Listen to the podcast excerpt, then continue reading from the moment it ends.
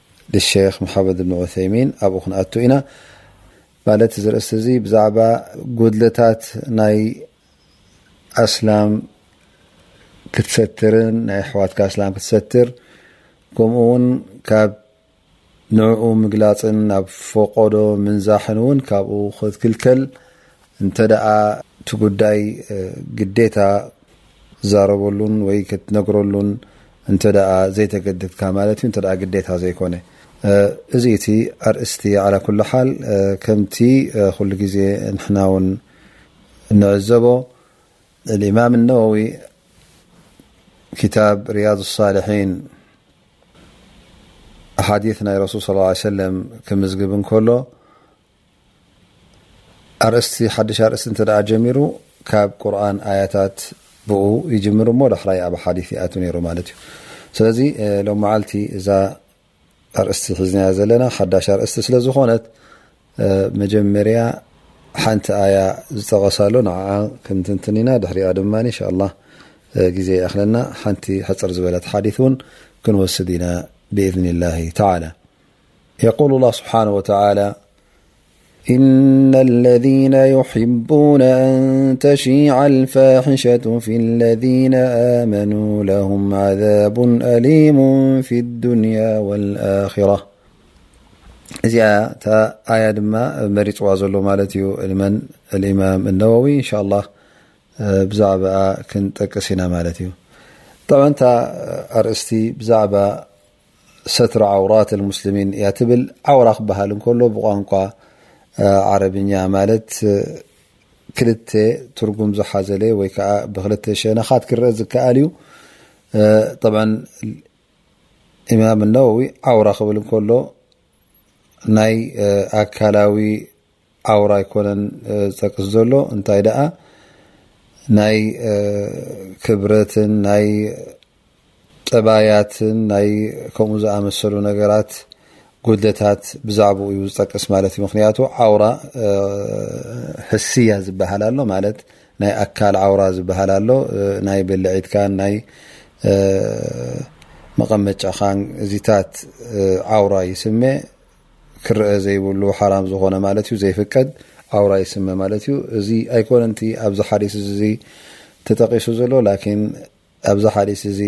ነቢ ስለ ላ ለ ሰለም ዝጠቕስዎ ዘለዉ እቲ ጉድለታት ዓውራ ዝበሃል ዘሎ እቲ ጉድለት እስላማይ ዝፍፅሞ ናይ ስነ ምግባር ናይ ጠባይ ናይ ዝኾነ ይኹን ስራሕ እንተ ካብ ሸርዒ ዘየፍቅዶ ረቢ ዘይፈትዎ ነገር እንተ ክገብር ተራእዩ እዚ ዔብ ማለት እዩ ዘይፍቶ ነገር ይገብር ኣሎ ማለት እዩ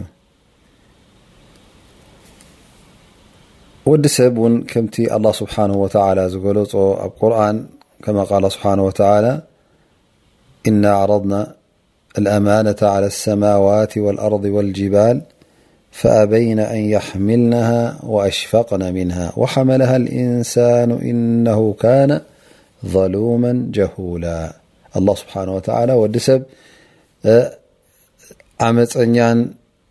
ተጋጋይን ማለት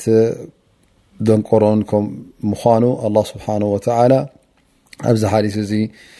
ገሊፅዎ እዩ እሞ እቲ ጌጋ ክፍፅም እከሎ ገበን ክፍፅም እከሎ ወይ እናፈለጠ እንከሎ ብዓመፅ ነዚ ጌጋ ይፍፅሞ ወይ እውን ብሰንኪ ጉድለት ናይ ፍልጠቱ ብሰንኪ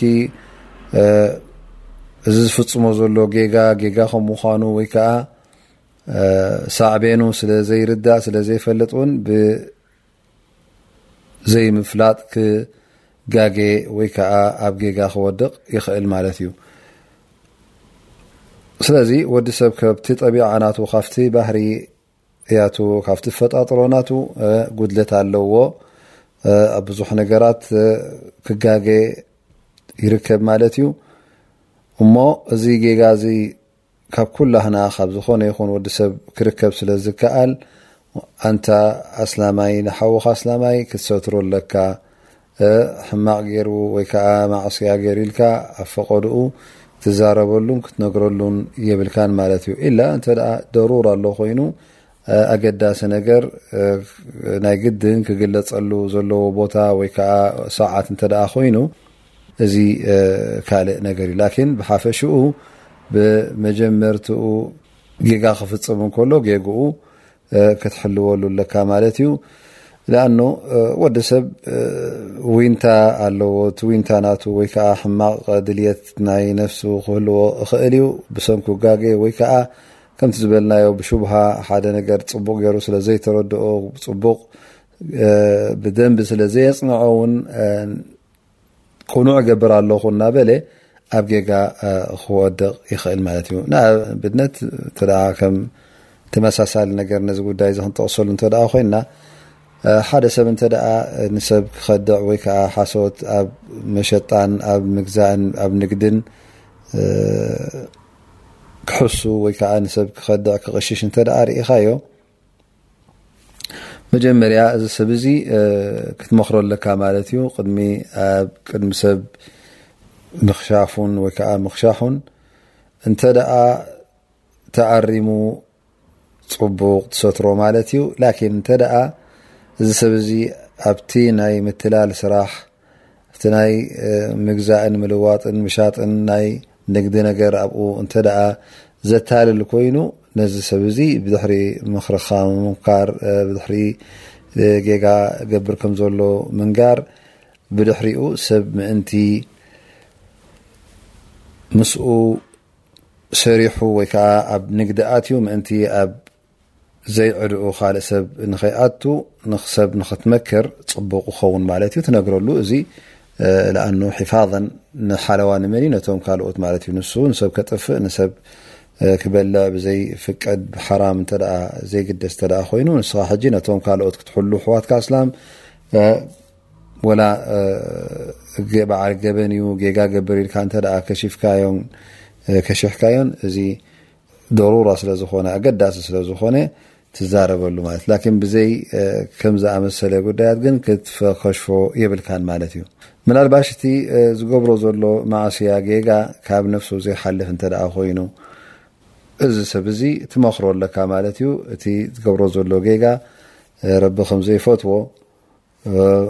ስለዚ ነዚ ከምዚ ጌርካ ተብርሃሉ ማለት እዩ ዳኑ ዝኾነ ይኹን ሰብ ሸይጣን የጋግዮ እዩ ኣብ ጌጋ ወድቕ እዩ ላኪን እቲ ጌጋ ንገዛ ርእሱ ብዙሕ ዓይነት ስለ ዝኾነ እቲ እንተ ደኣ ተገሊፁ እንተ ደኣ ተነጊሩሉ እንታይ እዩ ጉድኣቱ ክትርኢ ኣለካ ማለት እዩ ሓፈሻዊ ጉድኣት ድዩ ዘለዎ ወይስ ናይ ውልቃዊ ጉድኣት ንዕኡታት መዚንካ ሕጂ መጀመርያ መጀመርያ እኳ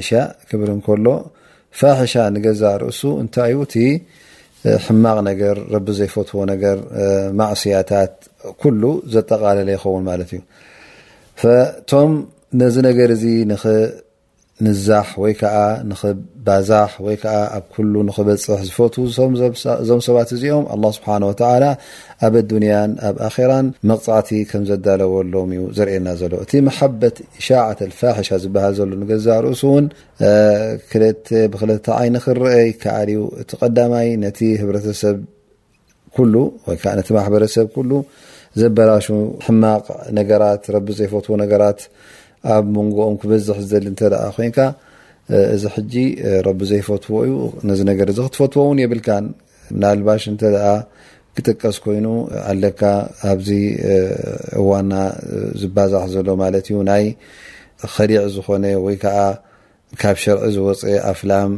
ኮይኑ ወይ ከዓ ኣብ ስነ ፅሑፋት ኮይኑ ብጋዜጣታት ኮይኑ ኣብ መጋዚን ኮይኑ ድረቢ ዘይፈትዎ ነገር እዚ እና ፀሓፉ እና ሰኣሉ ዝነዝሕዎ ሰባት ኣለው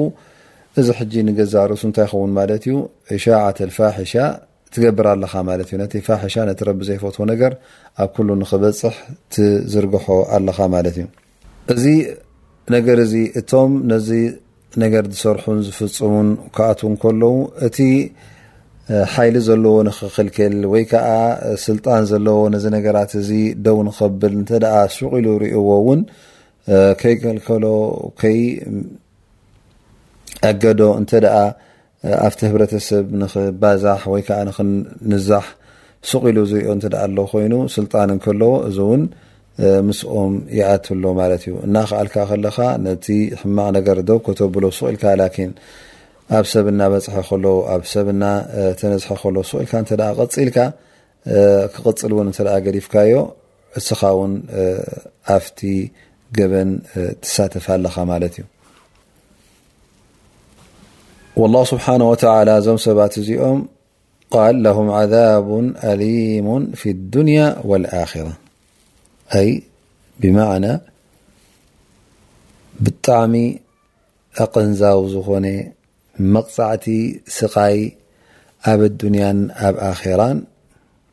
ኣዳልዩሎም ኣሎ ኣላ ስብሓን ወተላ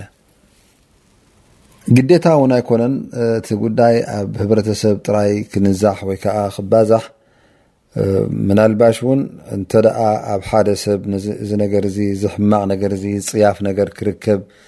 ደስ ዝብለካ እተ ኮይኑ ትፈትዎ እተ ኮይንካ ፉላ ምነ ናስ እከለ ዜድ ወላ ዓሊ ወላ ዑመር ዝስሙ ሰብ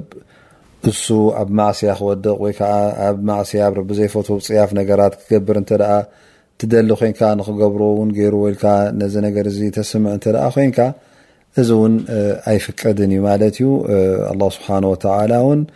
ንኩሉ ንውልቀ ሰባት ኮይኑ ወይ ከዓ ነቲ ህብረተሰብ ኣብኡ ንክርከብ እዚ ነገር እዚ ክትፈቱ የብልካን ማለት እዩ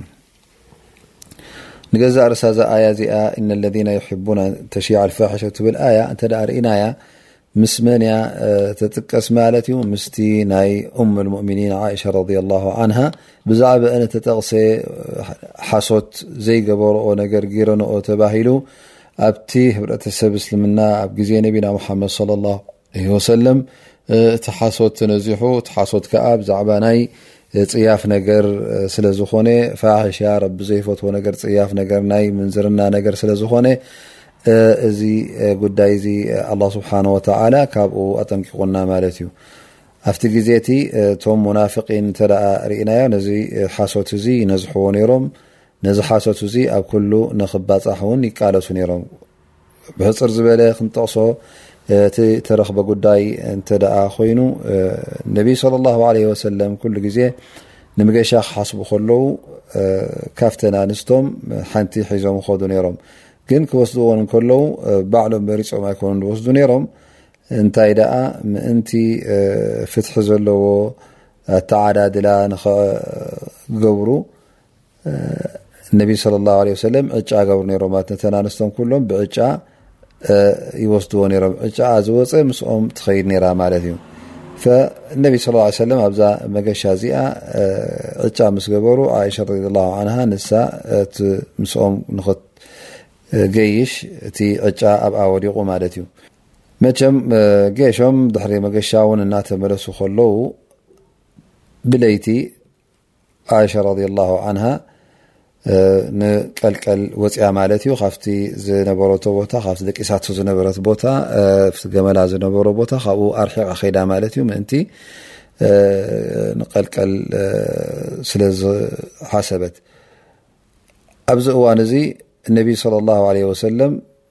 እቲ ሰራዊት ኩሉ ንክብገስ ኣዚዞም ማለት እዩ ንሳ ኣብቲ ቦታ ዘይነበረትሉ ሽዑ እቶም ሓገዝቲ እቶም ሰራዊት መፂኦም ነቲ ሃውደጅ ይበሃል ማለት እቲ ሰይዳ ዓእሻ ኣብ ውሽጡ ኣትየን ዝነበ ድኣትዋ ክገሻ ከለዋ ኣብ ልዕሊ ገመል ዝሰቅርዎ ዝነበሩ ኣብኡ ኣላ ኢሎም ነቲ ብ ስቀለኦ ሓፍ ኣቢሎም ኣብ ገመል ሰቒሎሞ ማለት እዩ እሰን እውን ገና ንእሽተይ ስለ ዝነበራ ከባድ ኣይነበራ ማለት እዩ ኣለዋ ኢሎም እዞም ሰባት እዚኦም ኣብቲ ልዕሊ ገመል ገይሮማ እቲ ገመል ከይከይድ ማለት እዩ ወዮ ዓይሻ ረድ ላሁ ዓንሃ ተተመለሰት እቲ ቦታ ሰብ የብሉ ኦም የብሉ ጥራይ ፀኒሕዎን ማለት እዩ ሰራዊት ኩሉ ከም እተጓዓዘ እውን ተረዲእወን ሽዑ እሞ ኢለን ካብ ንየማን ጸጋም ዝብል እሞ ኣብታ ዝነበርክዋ ቦታይ ኮፍ ክብል ሶም ኣብ ዝወረድዎ ኣብ ዘዕረፍዎ ቦታ ክስእኑኒ እዮም ሽዑ ምስ ሰኣኑኒ እውን ምለሱን ኾኑ ኢለን ኣብቲ ቦታኦን ኮፍ ኢለን ማለት እዩ ጠብዐን ኣብዚ እዋን እዚ ገለ ካብቶም ሰራዊት ዝተረፈ ሓደ ሰፍዋን እብኑ መዓጠል ዝተባህለ ነይሩ እሱ ከዓ ይበሃል እቲ ቀንዲ መትረፊኡ ድቃሱ ከቢድ ድቃስ ስለ ዝነበረ ሰራዊት ክስእ ከሎ ኣይሰምዕ እንተ ተሲኡ ኣይ ድቅስ እዚ በዓል ከቢድ ድቃስ ስለ ዝነበረ ኣብቲ እዋን እቲ ምስቲ ሰራዊት ክትስእ ኣይከኣለን ግን ዳሕራይ ፀሓይ ምስ በረቀ ድቃሱ ምስ ወደአ ተሲኡ ምስ ተስአ ሕጂ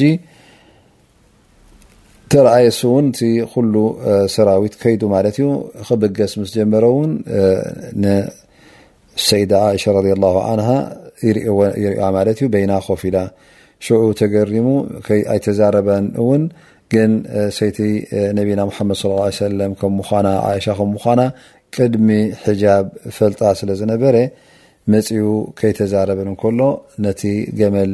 ኣንበርኪኹ ንኽሰራ ውን ንኽስቀላ ንኽውጣሕ ኣብታ ርእሲ ገመል ኣፍቂዱለን ማለት እዩ። ሰቂላ እውን ሒዝዋ ናበይ ይኸይድ ማለት እዩ ናብቲ ወገን ሰራዊት እተበገሶ ናብኡ ይኸይድ ማለት እዩ። ድሕሪኡ ኣብ እዋን እቲ ሰራዊት ኣብ ግዜ ዕረፍቱ ኮይኑ ምስ ኣዕረፈ እዚ እውን ሰፍዋን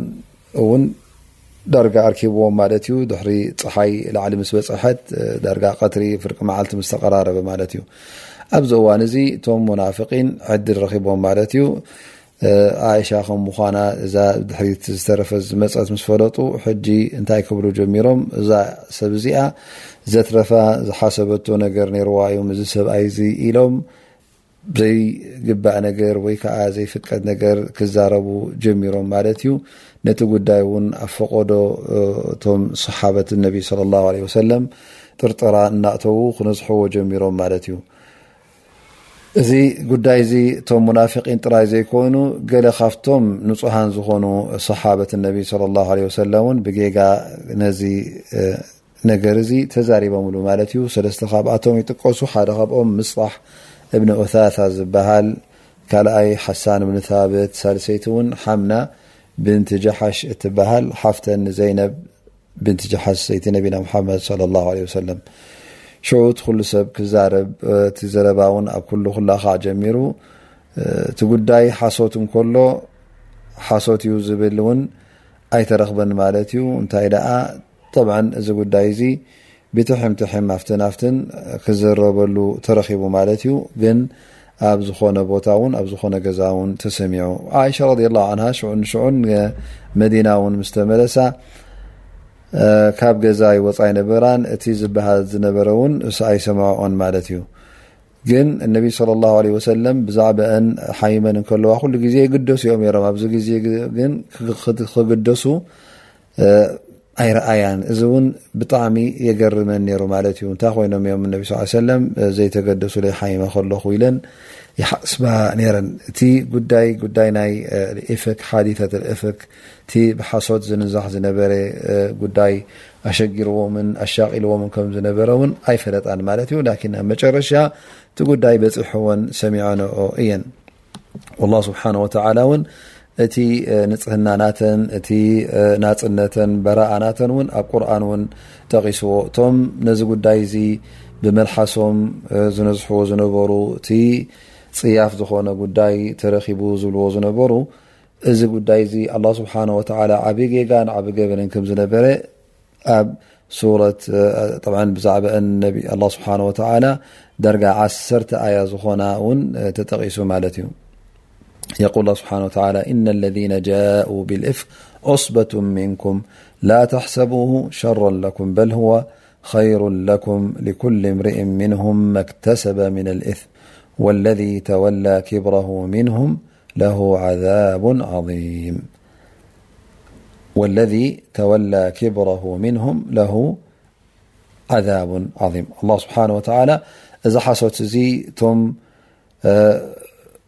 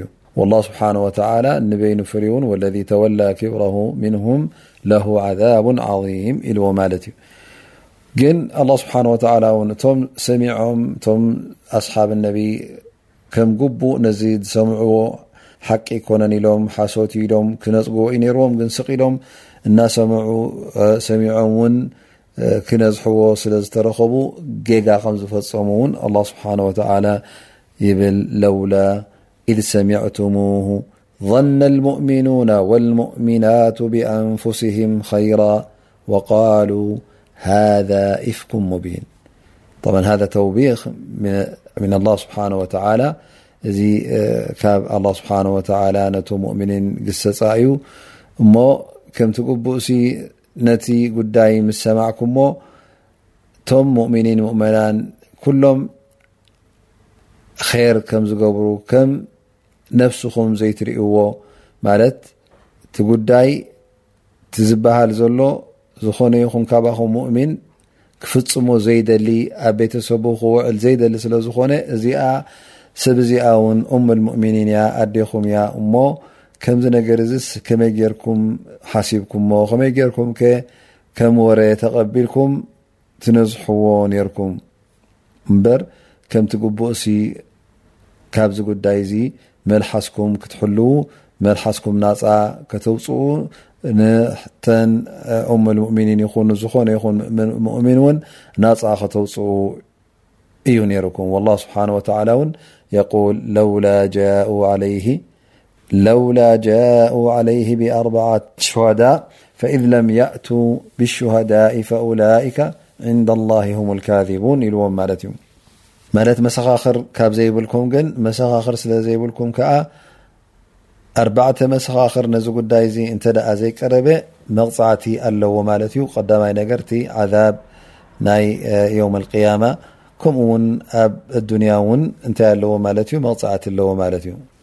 ስለዚ ኣብ ቤት ፍርዲ እንተ ሰባት መፅኦም እሞ ከዓ እከለ ወይ ከዓ ፍላና እዛ ሰብ እዚኣ ክትምንዝር ወይ ሰብኣይ ዚ ናይ ምንዝርና ስራሕ ክፍፅም ርኢናዮ እተ ኢሎም ተዛሪቦም ኣርባዕተ መሰኻክር ኣርባዕቲኦም እተ ዘይመስከሩ እንታይ ይኸውን ማለት እዩ ይቕፅዑ ወይ ከዓ ይግረፉ ማለት እዩ እዚ ከዓ ስለምንታይ እዩ ምናልባሽ ሓደ ሰብ ሰብ ንሓንቲ ፀሊኡ ወይ ከዓ ንሓንቲ ከካፊ ኢሉ እዛ ሰብ እዚኣ ከምዚኣ በዓልቲ ምንዝርና ትሰርሕ እያ ወይ ከዓ ናይ ሽርሙጥና ትሰርሕ ወይ ከዓ ሰብኣይ እዚ ከምዝገብር ኢሉ ምእንቲ ንኸንሕትካ ንኸይካፋእ ኣላ ስብሓን ወተላ እዚ ጉዳይ እዚ ኣርባዕተ መሰኻኽር ክቐርብሉ እሞ ከዓ እቶም መሰኻኽር ክቐርቡ ከለዉ እውን ጥራይ ናይ ጥርጠራ ኣይኮነንን ወይ ከዓ ኣብ ምስኣ ክኸይድ ሪኦየ ወይ ከዓ ምስ ሰብኣይ ክትከይድ ሪአያ ወይ ካብ ሓደ ገዛ ኣትዩ ዝበሃል ኣይኮነን እንታይ ደኣ እቲ ናይ ምንዝርና ስራሕ እውን ብዓይኖም ክፍፀም ክርእይዎ ኣለዎ ማለት እዩ እቶም ኣርባዕተ እውን ኩሎም ክምስክሩ ኣለዎም እንተ ደኣ ዘይመስከሩ ኣርባዕቲኦም እንታይ ይኾኑ ማለት እዩ ወላ ሰለስተ እንተ ተረኺቦም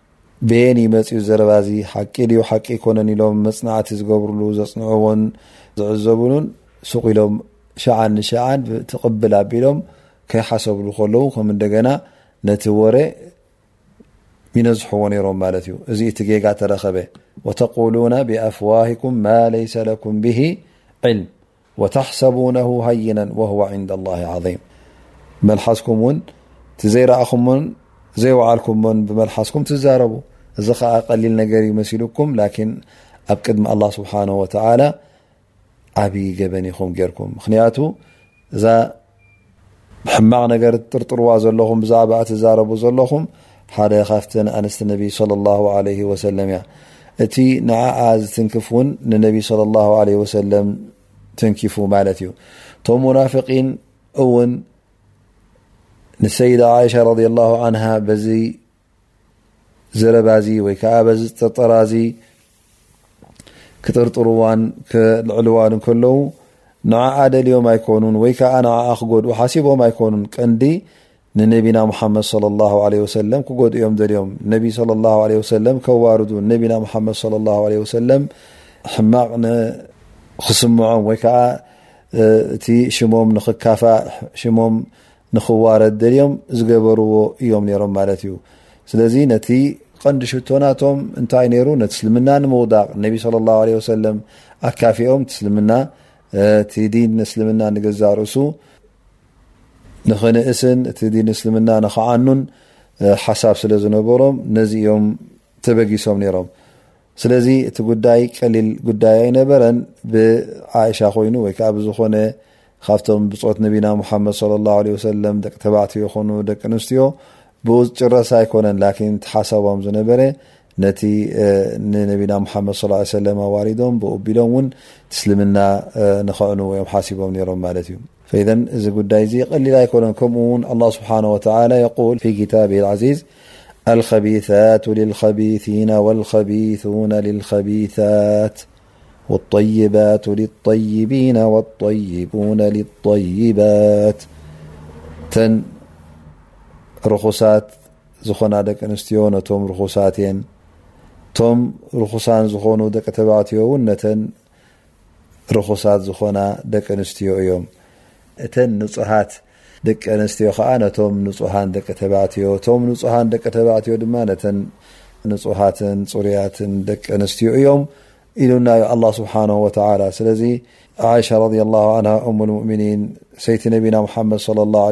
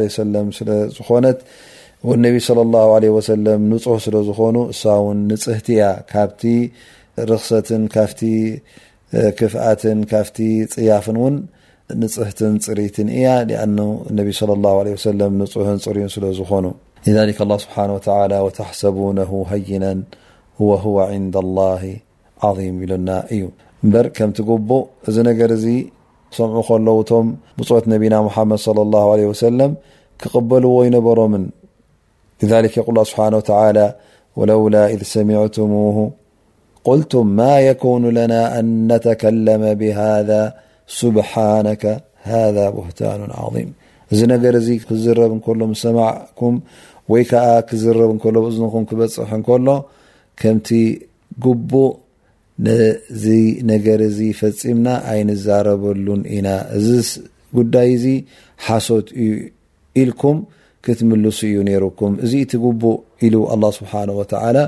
የብርሃሎም ማለት እዩ እቲ ዝገበረዎ ወይከዓ እቲ ዝበሃል ዝነበረ ዓብይ ጌጋ ከም ዝነበረ እነሀ ኣላ ስብሓን ወተዓላ የብርሃልና እዛ ነገር እዚኣ ብንእሽቲኣ ጀሚራ ላኪን እቲ ጥፍኣታ ዓብ ነይሩ ማለት እዩ ምክንያቱ እታ ጉድኣታ ንነቢና ሙሓመድ ስ ሰለም ንቤት ነቢና ሙሓመድ ስ ላ ሰለም ዘካፍእ እሞ ቤት ናይ ነቢና ሙሓመድ ስ ሰለም ድሕር ተኻፊኡ ንሱ እንት ደኣ ውርደተኛ ቤት ኮይኑ እሞ እቲ ኩሉ ኣስላማይ እቲ ሕብረተሰብ ኣስላማይ እውን ካብቲ ናይ ነቢና ሙሓመድ ለ ላ ሰለም ቤትን ካብ ናይ ነቢና ሓመድ ሰለም ስድራ ዝሓሸን ዝነፅሀን ኣይክኸውን እዩ ስለዚ ትፋሒሻ ንገዛእ ርእሱ እቲ ፅያፍ ነገር እውን ኣብቲ ቀንዲ ቤት እስልምና ቀንዲ ልኡኽ ኣላ ስብሓን ወተላ ኣብኡ እንተ ተረኺቡ ኣብቲ ካልእ ቤታት ንክርከብ ውን ቀሊል እዩ ማለት እዩ ስለዚ ኣላ ስብሓን ወተላ እዚ ጉዳይ እዚ ቀሊል ከም ዘይነበረ እንታይ ደኣ ዓበ ሓሶት እዩ ነይሩ ከምኡ ውን እቲ ተባህለ እውን ናብ ውርደትን ናብ ናይ ኣኼራ መቕጻዕትን ናይ ቅያማ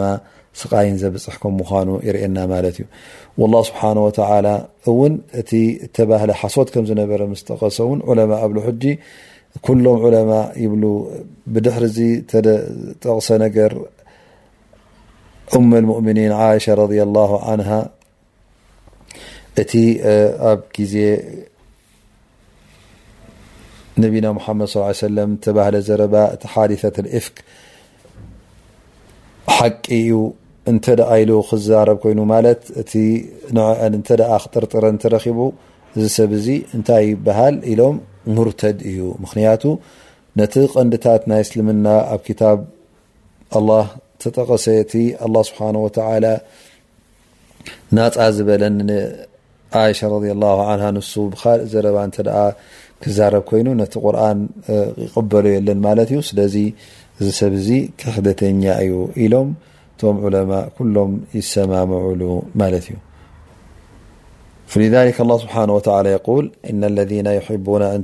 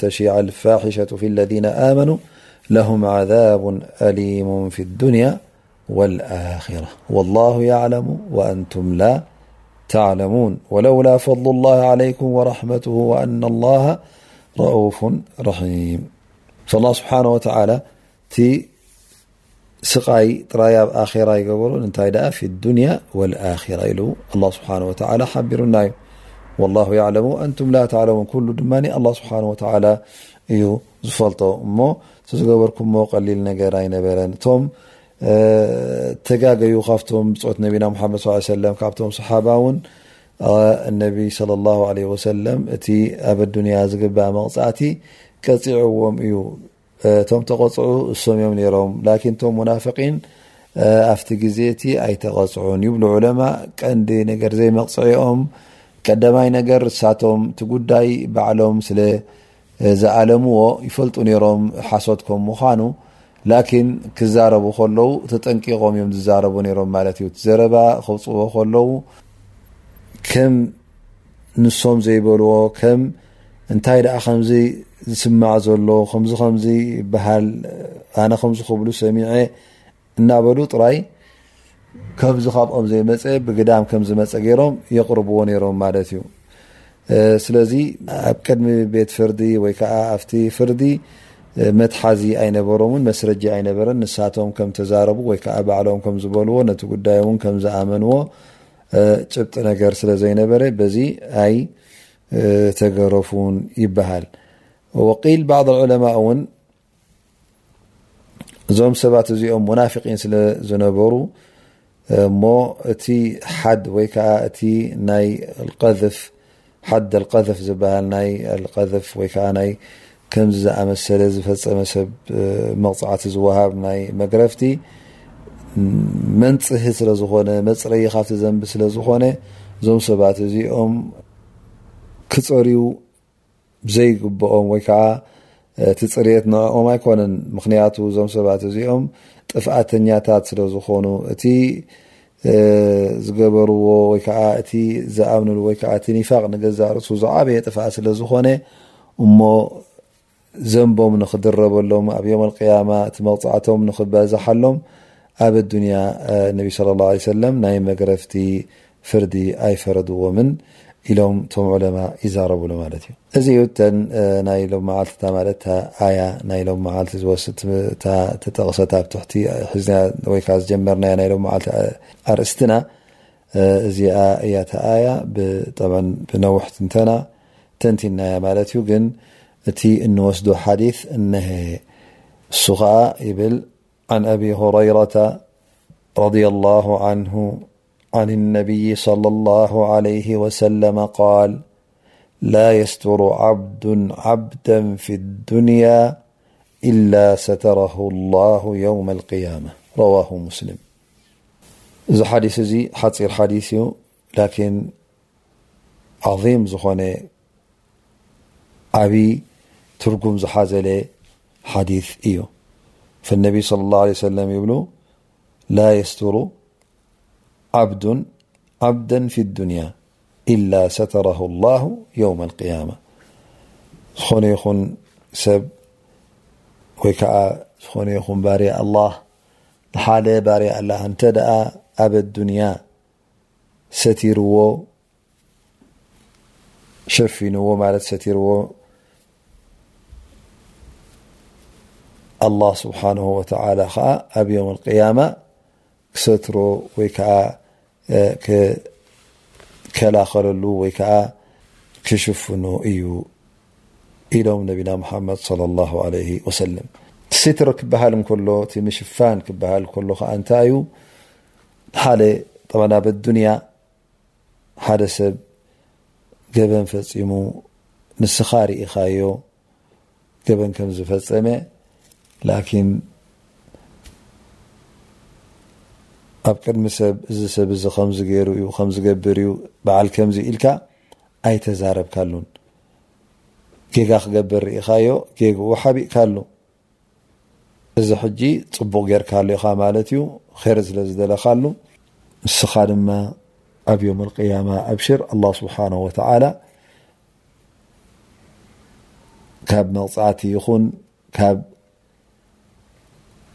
ኣብ ቅድሚ ህዝቢ ፈዲሓ እውን ኣላ ስብሓን ወተዓላ ክሰትረካን ክሕልወካን እዩ ዝኾ እንተኾነ እቲ ሲትር ዝበሃል እውን ክልተ ዓይነት ስትራ ኣሎ ማለት እዩ ሓደ ምስጉን ዝኾነ ፅቡቕ ዝኾነ ምስታር ኣሎ ትኻልኣይ ከዓ ሕማቕ ዝኾነ ምስታር ኣሎ ማለት እዩ እንታይ ማለትና እዚ ሰብ ትሰትሮስ ክልተ ዓይነት እዩ ክትሰትሮ ከለኻ ፅቡቕ ንበሃል እዚ ስትራ እዚ ፅቡቕ ጌርካ ዝበሃለሉ ኣሎ ከዓ እተ ሰቲርካዮ ንሓደ እዝስ ክትሰትሮ ኣይነበረካን እዝስ ጌጋ እዩ ክትከሽሖን ክትፈትሖን ኣለካ ዝበሃል ኣሎ ማለት እዩ እሱ ከዓ ከመይ ማለት ሓደ ሰብ ብጌጋ ብገበናት ምግባር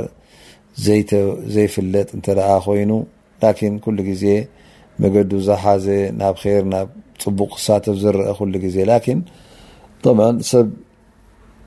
ሰብ ስለ ዝኾነ ጌጋ ስለ ዝርከብ እንተ ደኣ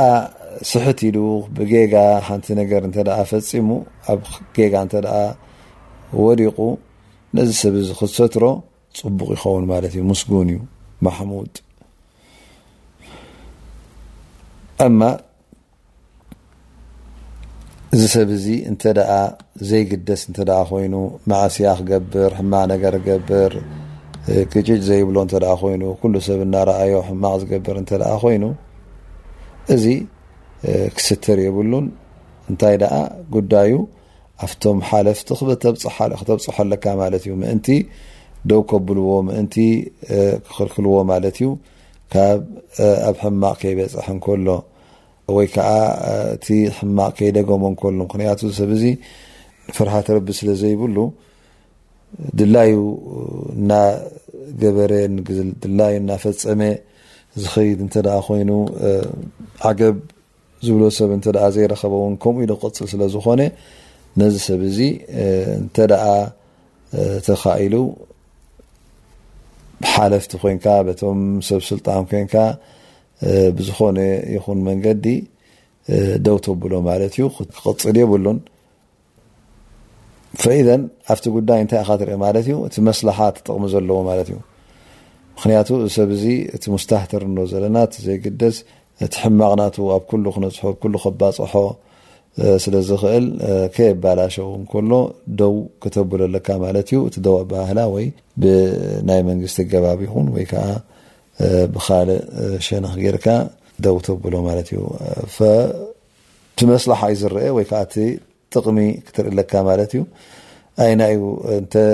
ከሸፍካዮ እንተ ነገርካሉ ድዩ እዚ ሰብ እዚ ናብ ልቡ ዝምለስ ወይስ እንተ መሓርካዮ እንተ ሳማሕካዮ እውን ክትርኢ ኣለካ ማለት እዩ ፈእቲ